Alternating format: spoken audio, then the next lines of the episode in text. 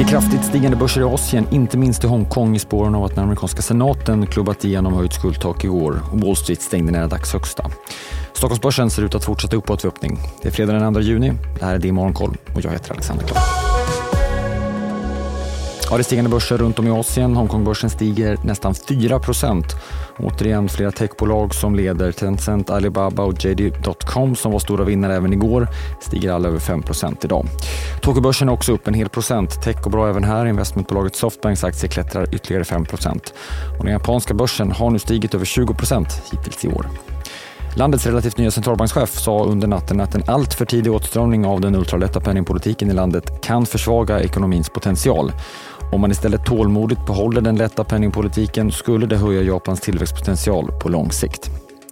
Sydkoreas BNP för det första kvartalet visade på en tillväxt på nästan 1% jämfört med för ett år sedan. Det var något starkare än väntat och även i Seoul är börsen upp kring 1 och Det är också börserna i Fastlandskina.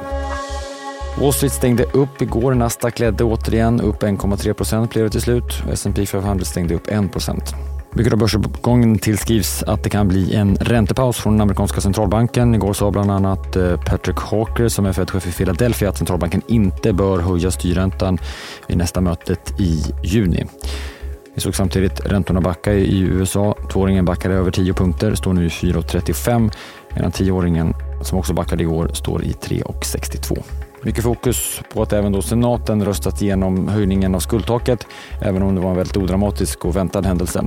Mer dramatiskt att datortillverkaren Dell släppte sina siffror tidigare än väntat under handelsdagen. Försäljningen och resultat var klart bättre än väntat och aktien steg till en början, men föll sen i efterhanden i samband med bolagets kol och något svagare utsikter. EVs-tillverkaren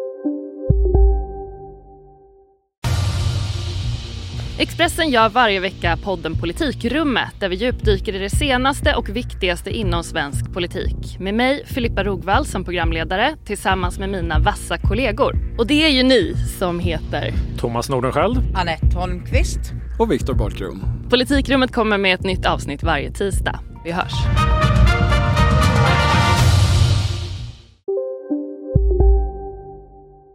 Men Lucid rasade, man vill ta in pengar och gick ut med planer på att ta in omkring 3 miljarder dollar.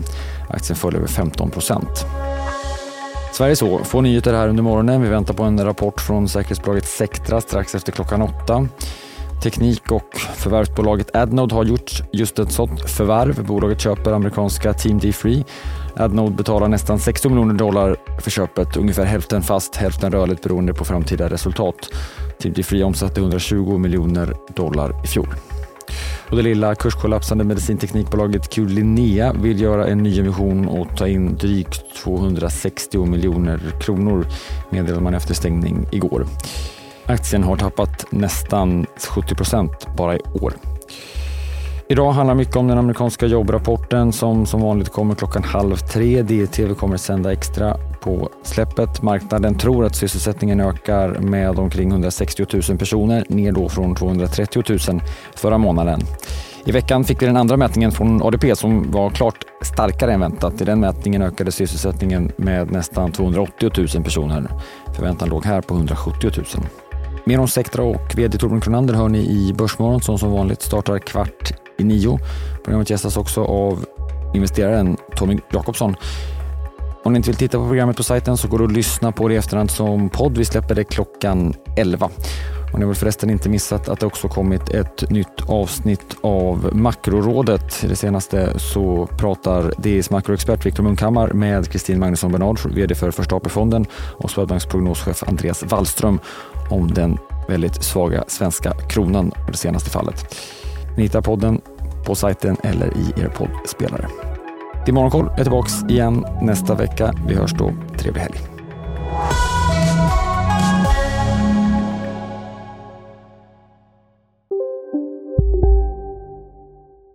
Har du också valt att bli egen? Då är det viktigt att skaffa en bra företagsförsäkring. Hos oss är alla småföretag stora och inga frågor för små. Swedeas företagsförsäkring är anpassad för mindre företag och täcker även sånt som din hemförsäkring inte täcker. Gå in på swedea.se företag och jämför själv. Hej, Ulf Kristersson här. På många sätt är det en mörk tid vi lever i. Men nu tar vi ett stort steg för att göra Sverige till en tryggare och säkrare plats. Sverige är nu medlem i Nato. En för alla, alla för en.